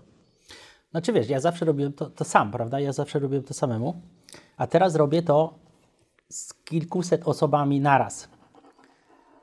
To jest y, kompletnie inny poziom, bo ja sobie przychodzę na spotkanie poniedziałkowe, robię dla siebie właściwie tą analizę, ale przy okazji, skoro ją ro- robię dla siebie, no to robię ją dla innych. I teraz jest kwestia dyscypliny dosyć istotna w, w kupowaniu akcji, czyli jeżeli mam taką grupę, która oczekuje ode mnie, że ja przyjdę, zrobię tą analizę, pokażę im to, no to wiesz, jak ja zrobię taką analizę, to tak jak y, czasami mówię, że moim takim ulubionym dniem na kupowanie akcji to, to, jest, to jest wtorek, no bo w poniedziałek robię analizę y, i we wtorek sobie jed- jedną czy dwie z tych spółek wybieram i sam je kupuję, prawda? No więc dlaczego nie? Dla mnie to sprawia straszliwą frajdę, tak, tak w ogóle. Czyli twoja społeczność myśl- jest strażnikiem twojej dyscypliny. Jest strażnikiem dyscypliny. Zresztą to są ludzie, których, których częściowo to, wiadomo, że nie wszystkich, bo to jest paręset osób, ale częściowo ich bardzo dobrze znam. My się bardzo dobrze znamy. Odwiedzamy się, nie wiem, oni przyjeżdżają do mnie, ja do nich, spotykamy się na kawę. To nie są anonimowi ludzie, tak? Stworzymy już naprawdę taką fajną grupę. To jest strasznie ważne. Myślę, że w ogóle w biznesach, może nawet ludzie trochę zapominają o tym, nie? Że, że to nie jest tak, że, że ludzie coś kupują i to jest jakby twój klient i tak dalej. No nie, no to jest osoba też, którą znam, którą, którą, którą kojarzę, która do mnie dzwoni, rozmawiamy, prawda? A to jest społeczność zamknięta, otwarta? Społeczność- Jesteście otwarci na nowych członków grupy, jakby, czy, czy jesteście hermetyczni i nie pozwalacie następnym co, z osobom? grubsza dwa razy do roku y, można do nas dołączyć, tak? Są, są dwa takie momenty, w których można do nas dołączyć. Ale też myślę, że z tej historii, którą wcześniej opowiadałem, no wynika też jedna taka rzecz. No okej, ja mogłem pokazać, i widać to było, tak, że, że robię bardzo fajne wyniki na rynku polskim. No, okazałem się no, mało, mało inteligentny i, i oddałem większość pieniędzy komuś, tak potem, no, opowiadałem historię, prawda? Jasne. No więc zobacz, też przy okazji to był dla mnie taki ratunek w tamtym momencie, tak? Bo przy, przyszli do mnie moi znajomi i powiedzieli, słuchaj, no pokaż nam to, a my ci za to zapłacimy. Ja mówię, kurczę, no mam jakby no, wszystkie pieczenie na jednym ogniu upieczone, tak? Bo ja, ja wtedy potrzebowałem tego, żeby oni mnie wsparli trochę, żeby, żeby, żeby zrobić szkolenie, za które oni mi zapłacili, tak? Rzeczywiście mi zapłacili za nie. A jednocześnie no, y, uratowało mnie to przed tym, że no, mając tak mały kapitał, bym nie był w stanie z tego żyć. Także to też bardzo, fa- no, to jest dla mnie taka historia jakby, która mi uratowała życie, można by powiedzieć w pewnym sensie. Mhm. I ja z kolei mam takie jakby inne pytanie, no dlaczego miałbym w sumie tego nie robić, nie? No skoro i tak to robię, skoro i tak y, te spółki analizuję, Mhm. myślę, że ja mam, ja, ja Ci powiem, że mam, bo to już minęło wiele lat, prawda, to trwa 10 lat, mam naprawdę taką, taką potrzebę takiej misji, czuję taką misję, bo, bo widzę, że jak sobie sumuję tych ludzi wszystkich, niektórzy mają kapitał, nie wiem, 10 tysięcy złotych, ale są tacy, co mają, jest y, jedna z pierwszych osób, która dołączyła do nas, to jest właściciel firmy kilkusetosobowej, który w końcu swoją firmę wprowadził na giełdę, i tutaj uwaga, japońską, bo było łatwiej niż na polską. Tego typu ludzie, wiesz, no normalnie no nie spotykałem takich za dużo w swoim życiu, tak? A, a, a w jakimś tam momencie, żeśmy, zresztą do, do tej pory utrzymujemy kontakt, zaczęliśmy się spotykać po prostu się poznaliśmy. To jest Są- taki to jest ogromny przywilej, że, wartość, że jak budujesz społeczność, to właśnie nagle poznajesz ludzi, których prawdopodobnie normalnie byś nie poznał, no bo nie wiadomo, czy poznałbym, wasze drogi tak. by się w ogóle skrzyżowały. Tak. Oni, wiesz, tak naprawdę im ludzie mają większy kapitał, tym fajniej się z nimi rozmawia, powiem szczerze, nie? Że, że oni mówią, okej, no ty masz tutaj narzędzia, to nam się podoba, tak? Spróbujmy Mhm. coś tam razem, razem zrobić. I wchodzą do społeczności. Wracając za chwilę do wątku, który poruszyliśmy kilka minut temu, kiedy mówiłeś e, o Forexie, o dźwigni, o tym, że sporo osób traci, no to na rynku akcji ludzie też tracą pieniądze. No takie historie się zdarzają no, no, stosunkowo często. I teraz na bazie Twoich obserwacji i wielu lat doświadczeń, z jakich powodów najczęściej ludzie tracą pieniądze na, na rynku akcji? Niezależnie, czy to jest rynek polski, amerykański czy japoński. Wiesz co, jak tak pytam ludzi, to myślę, że y, większość jednak nie ma strategii konkretnej, tak? Czyli coś przeczytali, coś, coś słyszeli, tak, że to jest dobra spółka, no więc może kupię, może zobaczę, prawda? Czy nie mają za bardzo strategii. Bardzo rzadko się zdarza, żeby mieli y, tak zwany stop loss, nie? czyli moment, w którym jest zlecenie. Ja mam zawsze stop loss, czyli jak zawsze jak otwieram pozycję, to mi się ustawia samoczynnie stop loss. Mhm. W Polsce w ogóle tego nie ma, nie? czyli od razu mi się zabezpiecza pozycja. W Polsce się tego nie da zrobić w ogóle, nie? żeby tak, y, tak to działało. Taki paradoks, nie? że w Polsce nie da się bezpiecznie inwestować praktycznie, można by powiedzieć, tak skrótowo. Okej. No więc jak oni są na rynku polskim, to też y, trochę im ta giełda to uniemożliwia, prawda? Bo musisz kupić akcję, a dopiero potem dostawić stop loss. A ja moje akcje nie wiem, kiedy się kupią, bo ja składam zlecenia, a rynek decyduje, kiedy się kupią. Czyli składasz zlecenie, idziesz spać, na przykład Tak. jest szansa, że akcje się kupią jutro albo pojutrze nawet. Tak, nawet po tygodniu się mogą kupić. I teraz takie osoby przychodzą do mnie i albo nie mają właśnie strategii, albo stop lossa, albo tak do końca nie wiedzą, co robić. E, Mirosław, taki, taki przykład z ostatnich e, miesięcy. E, Miał minus 18%, bo kupował akcje no, na zasadzie takiej, że fundamenty są dobre, prawda? No fundamenty, już rozmawialiśmy o tym na początku, 78% się nie zmieniły fundamenty, a, a spadła tyle, tyle cała giełda. Czyli średnio się zmieniły 78%? Nie. Tak. Druga rzecz o fundamentach, masz informację fundamentalną co kwartał. No to ile się może zmienić kurs w ciągu kwartału akcji? Plus 15, plus 30% się może zmienić. No to skoro ustaliliśmy właśnie przed chwilą, tym krótkim dowodem logicznym, że, że, że, że twoje akcje, dokładność tej analizy fundamentalnej jest mniej więcej taka, jak, jak przed chwilą sobie powiedzieliśmy, ile się może zmienić spółka, czyli plus 15-30% w tą czy w tą. No to znaczy, że trochę za mało dokładna, nie? No jeżeli chcę tyle w roku zarobić, a tutaj mam taką trafność Amplitudę, tak. amplitudę no, nieakceptowalną całkowicie. No i tacy ludzie właśnie, że po analizie fundamentalnej, takiej gołej, bez stop lossów, bez strategii, trafiają do nas i taki Mirosław przyszedł, miał minus 18 na, na koncie. Jego akurat bardzo dobrze pamiętam, bo on, on przeszedł przez ten program Blitzkrieg, taki indywidualny, więc z takimi osobami jakby rozmawiamy, co się stało, z czym on przychodzi. I wyszedł w pierwszym okresie inwestowania z tego 18 na plus 22, czyli zarobił 40%. Jaki to był okres? Czasowy, tak? Yy, To był chyba rok, rok. Mi się wydaje, że to około roku było. No to pra- prawdopodobnie był szczęśliwy po tym czasie. No mega szczęśliwy był. Znaczy był w ogóle w szoku. Zresztą w ogóle jego pierwsze inwestycje to były e, był taki jeden moment na giełdzie polskiej, bo my generalnie jesteśmy w Stanach, ale ja miałem taki jeden taki wizjonerski moment, ja wręcz bym powiedział, że na rynku polskim zacząłem e, dostrzegać takie ruszające się z, z dołku, z, z dołu zupełnie banki. Idea Bank, i on na tym Idea Banku chyba 108% zrobił, pierwszą, jedną z pierwszych transakcji, nie? Ja mówię, ten Idea Bank, że tu ten moment, to mi się podoba. I on akurat tam kupił parę, parę takich rzeczy. Na TS Games chyba zrobił 50 parę procent na, na Idea Banku, jeszcze w jakimś drugim banku. I nagle suma summarum, on mówi, że on marzył o tym, żeby zrobić, nie wiem, 10%, bo przyszedł facet ze stratami, z 18. No, on mówi, że marzył o 10%, że za, zarobi w roku, a zrobił je w pierwszym miesiącu. I to bezpiecznie, bo każda pozycja ma stop loss mieć u mnie. Jak widzę, że ktoś nie ma stop lossu, to mówię mu albo masz stop lossy, albo ja nie będę w ogóle z tobą rozmawiał, tak?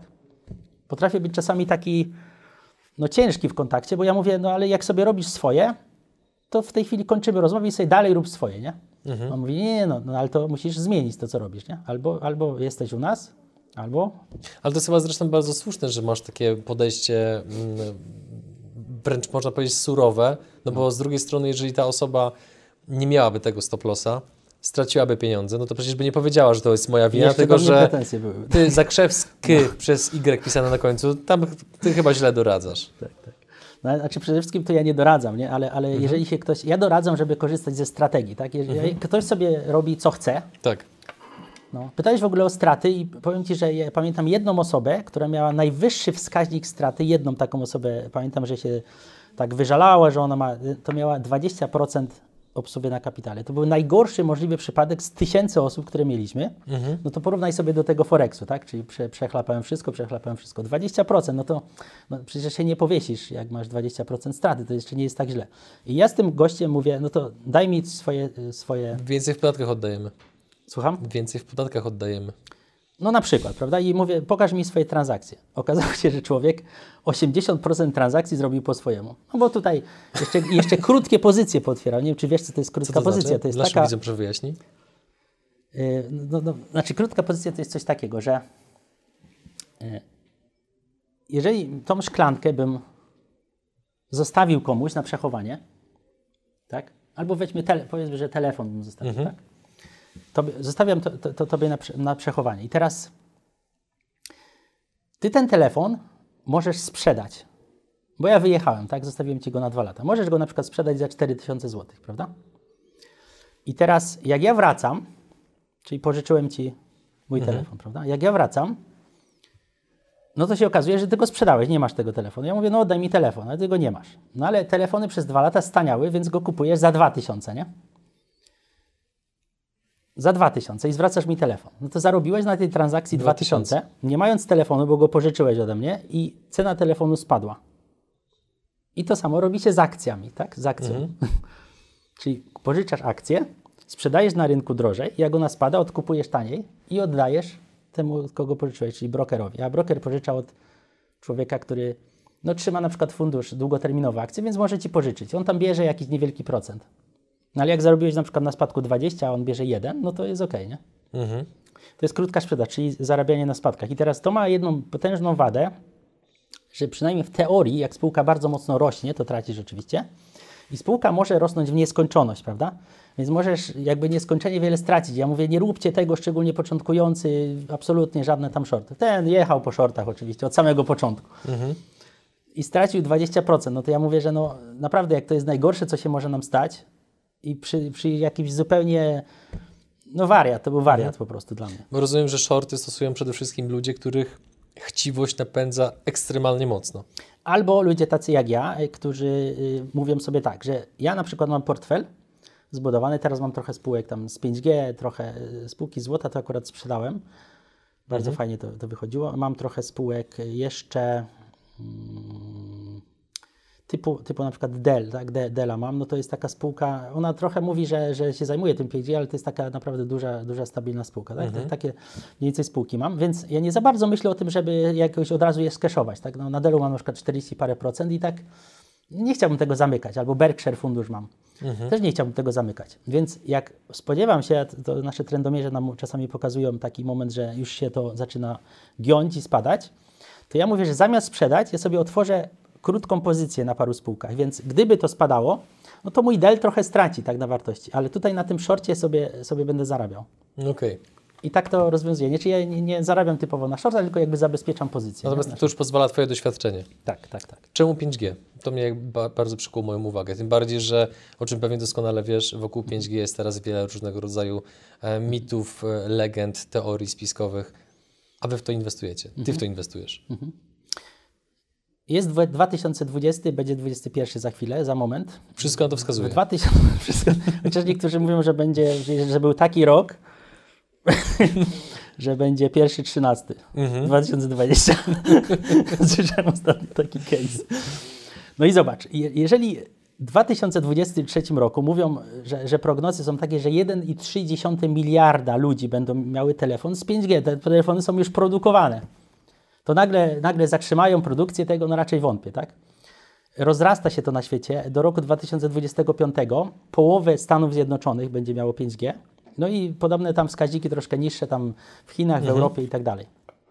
To jest po prostu gigantyczna ilość ludzi i gigantyczne pokrycie. No i teraz, y, okej, no z czego to w ogóle wynika? Nie? No jeżeli mamy, ja jechałem ostatnio samochodem autonomicznym, Teslą, jechałem ze znajomym i puściliśmy kierownicę. To, to już jest dzisiaj, tak? To, to jest dzisiaj, którego my nie znamy jeszcze, a to już jest to dzisiaj, które mówi co? No, że ten samochód będzie decydował, czy zabić e, staruszkę, czy, czy matkę z dzieckiem za chwilę, za nas będzie decydował, bo to będą takie ułamki sekund, prawda? I teraz te samochody będą się ze sobą komunikować, one będą w chmurze podłączone wszystkie i do tego musi być infrastruktura, która umożliwia taką komunikację. Że natychmiast, podejrzewam, że nawet wózek będzie w tej sieci. Czyli ta, te, Ben Hu jest taki, Ken Hu, przepraszam, y, prezes Huawei, mówi, że będzie trudno nie być online, że wszystko po prostu będzie online za chwilę, nie? Ale głównie właśnie chodzi o te, o te samochody, czy tam na przykład y, służbę zdrowia, nie? że to są tak newralgiczne rzeczy, że, że one muszą mieć, to, to, to się nazywa takie wielkie słowa, low latency, tak? No, low latency, co to znaczy? No, to znaczy właśnie tyle, że ten samochód będzie miał natychmiast informacje, że to będą ułamki sekund, które decydują o ludzkim życiu, które 5G umożliwi, że, że ten samochód będzie reagował w tym czasie. I, I wskaźnik umieralności na drogach spadnie drastycznie, jeżeli takie samochody będą. Spadnie, kilkakrotnie spadnie, no bo człowiek nie jest w stanie tak szybko reagować. Mhm. I z takim wyprzedzeniem, tak?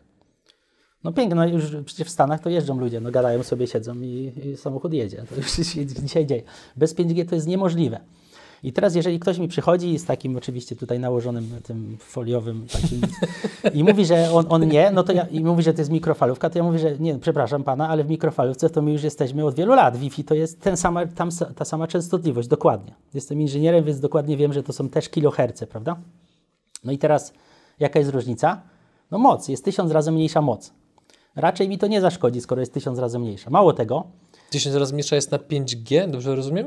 tysiąc razy mniejsza moc jest y, tego promieniowania, które mamy poprzez Wi-Fi czy 5G, Aha. czy w telefonie komórkowym, tak Okej. niż na przykład w mikrofalówce. Mhm. Mimo, że częstotliwość jest ta sama.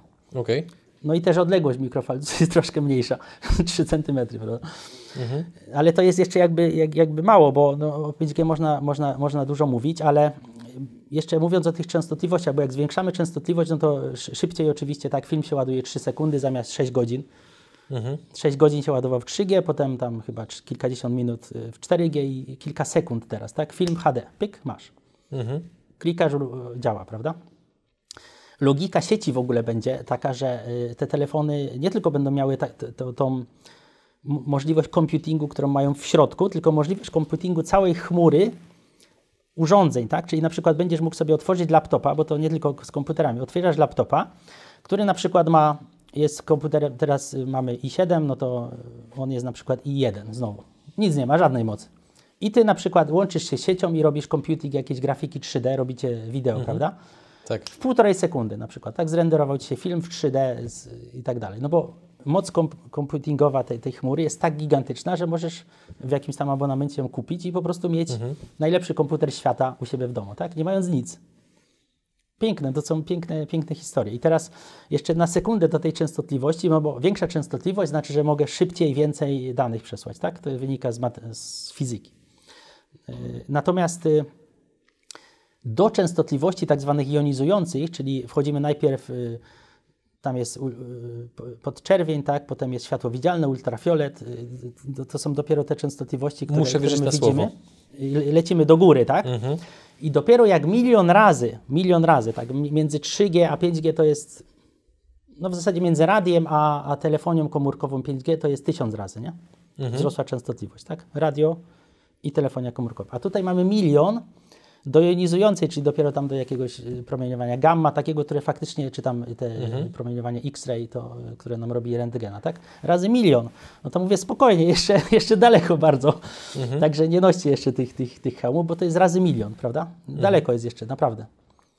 I ja bym się, no ja jakoś tak nie, nie bał bardzo tego, no. Też, też bardzo dużo jest ludzi, którzy robią pomiary, chodzą tam koło tych anten i mówią, że to jest mniej niż było nawet, nie? Że jest to samo albo mniej. Czyli prawdopodobnie celowo tak jest zrobione, żeby tutaj właśnie y, ukryć to. Zakładam, że taki, taki może być właśnie poziom ich logiki, myślenia właśnie w ten sposób o tym. No, znaczy wiadomo, że, że, że, że Brak dowodów jest najlepszym dowodem jest w teoriach niektóre- spiskowych. tak, w teoriach spiskowych jest ciężko tam czasami polemizować, e, ale jednak... e, Nie wierzysz w płaską ziemię? Ja wierzę w Przez chwilę się zastanawiałeś, czy ja pytam poważnie. Ale nie, ale zobacz, bo ten moment zastanowienia się to jest właśnie to, co też może dotyczyć ludzi inteligentnych w 5G, że no, może być jakiś tam mały moment zastanowienia, prawda? Ale jednak no, przewaga jest y, w tym kierunku, że, że to są świetne technologie, nie? które nam uratują, uratują wiele żyć, tak? Tak jak mówiłem w przypadku samochodów, a nie, a nie nam zaszkodzą. Y, Tak a propos, rząd amerykański przeznaczył amerykański trylion, czyli nas bilion dolarów na rozbudowę infrastruktury 5G. To jest no, więcej niż dwa razy polskie PKB całej Polski. To są ogromne ilości pieniędzy, które pójdą w infrastrukturę, operatorzy komunikacyjni, e, spółki produkcyjne na tym zyskają, spółki produkujące telefony, komponenty. To jest masa spółek, tak? To, to, to mówimy o setkach spółek, które na tym skorzystają i jest to praktycznie pewne. Taki jest na to A kapitał. to wydaje, mo- można w sumie powiedzieć, że no, jeżeli rząd amerykański robi taki ruch, no to to jest w sumie mm, ogromny dowód na to, że technologia 5G będzie się rozwijała w skali globalnej. No bo zakładam, że Stany Zjednoczone prawdopodobnie dzięki temu chcą w pewien sposób albo odzyskać, albo pogłębić, w zależności od tego, jak na to spojrzymy, swoją przewagę gospodarczą względem innych krajów świata. Ja ostatnio słuchałem, słuchałem wywiadu z y, szefem Verizona. No on wyraźnie mówi, że to są po prostu plany, które się teraz realizują. Ta sieć się rozwija. W Szwajcarii, tak a propos, jest y, zasięg w okolicach 80-90% już teraz 5G dzisiaj. Mhm. To nie jest jakaś abstrakcja, tylko to już po prostu się ro- rozwija i dzieje w tym momencie.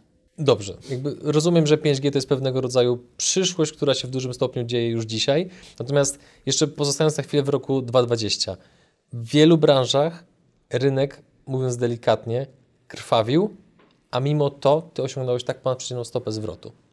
W jakie sektory inwestowałeś, że udało się zrobić coś takiego? Wiesz co, nie, nie był to jakiś rocket science, żeby zgadnąć, jakie sektory. Tak, no wiadomo, że sektor healthcare, czyli sektor zdrowia, będzie się miał świetnie, prawda? Drugim jeszcze takim sektorem był sektor komunikacji, bo y, są takie spółki jak Zoom. Nie mówiliśmy o wskaźnikach typu cena do zysku, ale one są na poziomie 30, pro, 30 takie, takie już dosyć wysokie wskaźniki, a Zoom doszedł do 1100 w pewnym Wow. momencie. Ta spółka wzrosła kilkaset procent w każdym razie, tak? No i teraz y, te, ten sektor healthcare, y, wiadomo, że nie wszystkie spółki rosły, tak? Ale to nie znaczy, że no, my nie wiedzieliśmy dokładnie, gdzie szukać, tak? Jeden z naszych uczestników, y, Dariusz, który dołączył parę miesięcy temu, no miał trochę może szczęścia rzeczywiście, tak? Ale, ale to było też takie szczęście poparte tym, tą praktyką, którą my stosujemy, prawda? I trafił na spółkę NVAX i zrobił na niej w parę tygodni ruch 1170%. To pewnie świętował. No nie no, w ogóle człowiek się nie, nie wiedział, co, co, co powiedzieć, prawda? Bo po prostu był w takim szoku. To, jest, to były pierwsze jego jakieś kroki inwestycyjne, tak? I on robi ruch 10, 11-krotnie pomnożył kapitał, tak? Na, na tej jednej oczywiście pozycji, nie cały, ale no był mega zadowolony. I takich spółek było, było dużo wbrew pozorom. Były spółki, które rosły 20 razy, 8 razy, 5 razy. Dużo, tak? Nie było trudno w nie, w nie trafić. Ja sam byłem na paru takich spółkach. Na jednej chyba takiej spółce akurat z sektora medycznego w Polsce, teraz nie pokuszę się o, o wypowiedzenie nazwy. Mercator zdaje się, no. Tak, no to to jest właśnie chyba gość, który wszedł w ogóle na listę Forbesa jako tam jakby jeden z nowych miliarderów właśnie z powodu tego, że jakby jego firma produkująca rękawiczki chyba, tak? Tak. Jak dobrze kojarzę, no to wystrzeliła momentalnie do góry. Tak, ja niestety właśnie wszedłem w te spółki, to e, APT zdaje się na, na, nazwa była spółki, która produkuje e, e, odzież ochronną. I tam zrobiłem niewielki ruch, ale to nie był jakiś taki złoty strzał, prawda? Natomiast na spółce NWAX też dosyć wcześnie wyszedłem, więc trochę trzeba było też takiej wytrwałości, może i do lepszego trafienia, ale, ale, ale no, naprawdę się zarabiało praktycznie na, na większości tych spółek y, zdrowotnych. Świetny, to był moment, no, moment rewelacyjny był.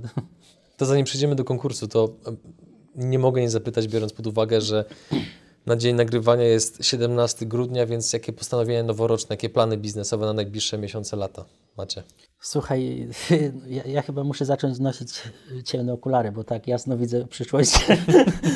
Naprawdę się dzieje tyle na rynku niesamowitych rzeczy. A szkoda, że ludzie o tym nie wiedzą, tak? Yy, Ostatnio na przykład, nie wiem czy wiesz, ale otrzymaliśmy w prezencie od, od Kanady Polaka nowego, który jest najbogatszym Polakiem. Szulczewski się nazywa. Dzięki Wish. spółce Wish, która jest nowym IPO. Bardzo, bardzo, bardzo fajna spółka. I teraz ten rynek, na którym jest ta spółka, czyli rynek e-commerce'u, e, e-handlu, rośnie w tempie 20% rok do roku. No więc raczej spółki też będą podążały mniej więcej takim tempem, prawda? Zwykły handel rośnie 3,5%, czyli te, mniej więcej te, bo w tej chwili jest więcej takiego zwykłego handlu niż tego e-handlu, ale to się zmieni, zdaje się w roku 2030 chyba 6 już będzie więcej e-sprzedaży niż zwykłej sprzedaży. I to jest spółka, która jest na tym rynku, czyli chyba na najlepszym możliwym, prawda? Najbogatszy, najbogatszy Polak. Y, To był chyba około 14 miliardów jest ta spółka y, wyceniana. I teraz y, takich spółek IPO, czyli wchodzących nowych na rynek, na rynek akcji, jest około 20-30 w ciągu miesiąca w Stanach Zjednoczonych. W Polsce jest to 6-7 rocznie, a i tak, że nam się udało na Allegro zarobić tam od 50 do 92% ludzie pozarabiali w pierwszym dniu notowań. Ja zacząłem grzebać od roku mniej więcej, grzebę w statystykach, ile zarabia się w pierwszy dzień, w pierwszy, tak, ja nie mówię o jakiejś długoterminowej inwestycji. I okazało się, że to jest 19% w pierwszy dzień. Średnia, czyli niektóre spółki lecą 300%, no niektóre spadają na przykład 20%, tak, ale średnia jest plus 19%. W jeden dzień. No A my trzymamy pieniądze na lokatach, tak i to chyba bilion jest tam na tych lokatach w Polsce. Na minus, y, no nie wiem, jak, jak bank daje 1,7 minus, minus y, inflacja, no to mamy gdzieś minus 2,5, tak? Dla mnie to jest niesamowite zjawisko, skoro na, na rzeczy tak prostej można zarabiać 19% na każdym wejściu. Tylko, że jest to o tyle trudne, że trzeba dobrze wyselekcjonować brokerów. Później też y, są pewne ograniczenia, trzeba je trochę poobchodzić, ale to jest rzecz, którą się też zajmujemy. Też to jest zupełna nowość, kompletnie nowy projekt naszej społeczności, że właśnie analizujemy sobie spółki IPO. Zidentyfikowaliśmy paru fajnych brokerów. No i się bawimy, tak? To jest oczywiście taki dodatkowy fan, nie? To nie jest nasza podstawowa działalność, to jest tak gdzieś 10%, a 90% robimy to, co do tej pory. Ale jeszcze jest tyle zabawy, że Szulczewskiego bym nigdy nie poznał, gdyby nie Wish. Kończąc naszą ekstremalnie ciekawą rozmowę, jakie jest pytanie konkursowe? Pytaniem konkursowym jest, w jakie aktywa, czy na jakich rynkach inwestujesz, czy może inwestujesz w nieruchomości, czy złoto. Napisz nam, przekonaj nas, że to jest najwłaściwsze miejsce do inwestycji, czy może to jest rynek akcji i spróbuj to jak najlepiej udowodnić. A co będzie nagrodą? A nagrodą będzie, uwaga, roczny dostęp do naszej społeczności, czyli dostęp do wszystkich naszych narzędzi, plus chyba najbardziej cenna rzecz, czyli instalacja indywidualna wszystkich naszych narzędzi u Ciebie indywidualnie na komputerze, indywidualne prowadzenie O wartości? o wartości 7750 zł. Drodzy widzowie, taki komentarz ode mnie. Odpowiedzi na pytanie konkursowe oczywiście zostawiajcie w komentarzu pod filmem na YouTubie oraz sposób, w jaki będzie wybrany zwycięzca, będzie czysto subiektywny. Ten zwycięzca bądź zwyciężczyni będzie wybrany przez Pawła na drodze tego, która odpowiedź będzie najciekawsza. Powiedz, Paweł, jeszcze proszę na koniec, gdzie można Was znaleźć w internecie, jak się można z Wami skontaktować? Mail, telefon, fax, poczta tradycyjna. Nasza strona to stocksoft.com. Tutaj na dole też znajdziecie link, który prowadzi do takiej kolejki lekcji. Mówiliśmy dzisiaj o e, takim specjalnym obszarze 5G, którym się zajmujemy. Tam jest przygotowany dla Was taki zestaw lekcji. Możecie się zapisać i go na dole odebrać, do czego bym bardzo zachęcał. I e, najlepszym takim sposobem skomunikowania się z nami jest po prostu zadzwonić i pogadać, tak jak to zwykle bywa wśród ludzi.